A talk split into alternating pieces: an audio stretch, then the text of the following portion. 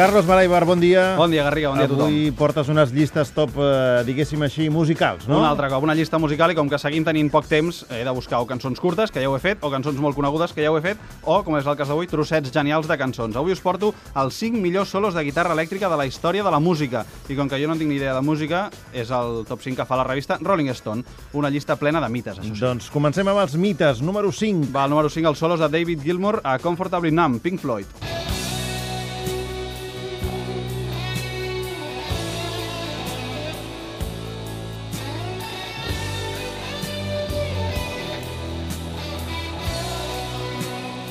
I així s'està durant més d'un minut. Aquesta mítica cançó, inclosa en el disc The Wall, va ser l'última que van tocar junts tots els components de Pink Floyd el 2005.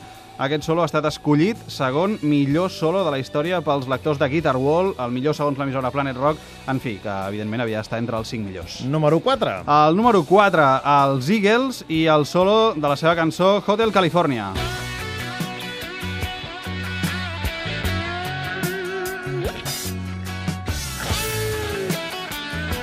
A la guitarra, Don Felder i Joe Walsh en una de les cançons, la sencera, més mítiques de la història de la música, que segons els Eagles és una cançó que és un viatge, explica un viatge entre la innocència i l'experiència. Número 3. No podia faltar en aquesta llista el que per molts és el millor guitarrista del món, mort i viu. Jimi Hendrix, el solo de la seva versió de All Along the Watchtower.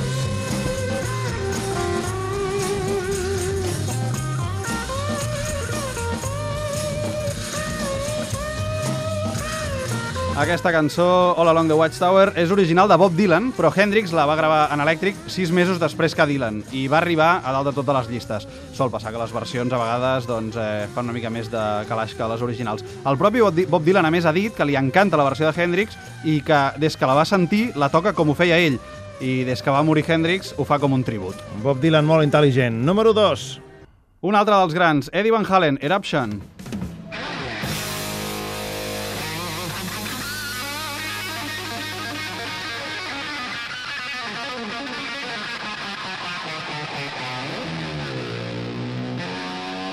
Aquesta cançó Eruption, que és tot ella un solo de 1 minut 44 segons, es diu que aquesta cançó Van Halen la tocava d'esquenes al públic perquè no li copiessin la tècnica. I és que es considera que Van Halen va inventar el que es diu tapping, que es veu que es fer servir això.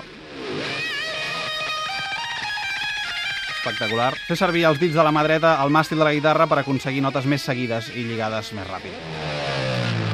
I de Van Halen anem al número 1. I el número 1 d'aquesta llista, segons Rolling Stone, el millor solo de guitarra elèctrica de la història de la música és aquest.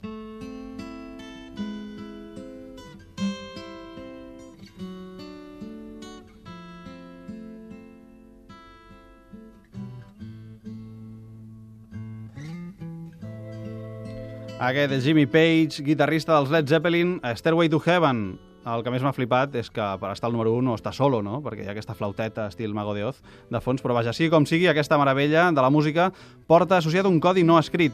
A les botigues de guitarres no es pot provar l'instrument fent aquest solo. I el això? rock i els seus mites, tio, no es pot. Això és una peça sagrada que no, no es toca Ja. per, per provar. I ara, Garriga, com que veig que encara tenim una mica de temps, si et sembla, eh, fem una mica de, de bonus tracks perquè falten bastants, bastants mestres de la guitarra. Puc, puc fer uns quants Va, bonus tracks? vinga, Dos o tres. però ràpid. Vinga, va, primer bonus track. Queen, Bohemian Rhapsody, Brian May a la guitarra.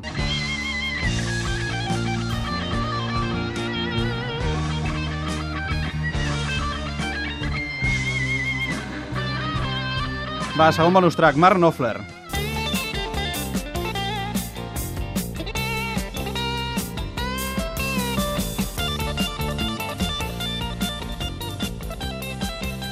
Ja m'estranyava que no aparegués Mark Knopfler en aquesta llista. Espectacular, home, el Carlos. Sultans of Swing. I últim bonus track del dia, un solo de guitarra per començar una cançó. Arriscat però brutal. Amb això ja ho deixem a dalt de tot. Slash, Guns N' Roses, Sweet Child of Mine.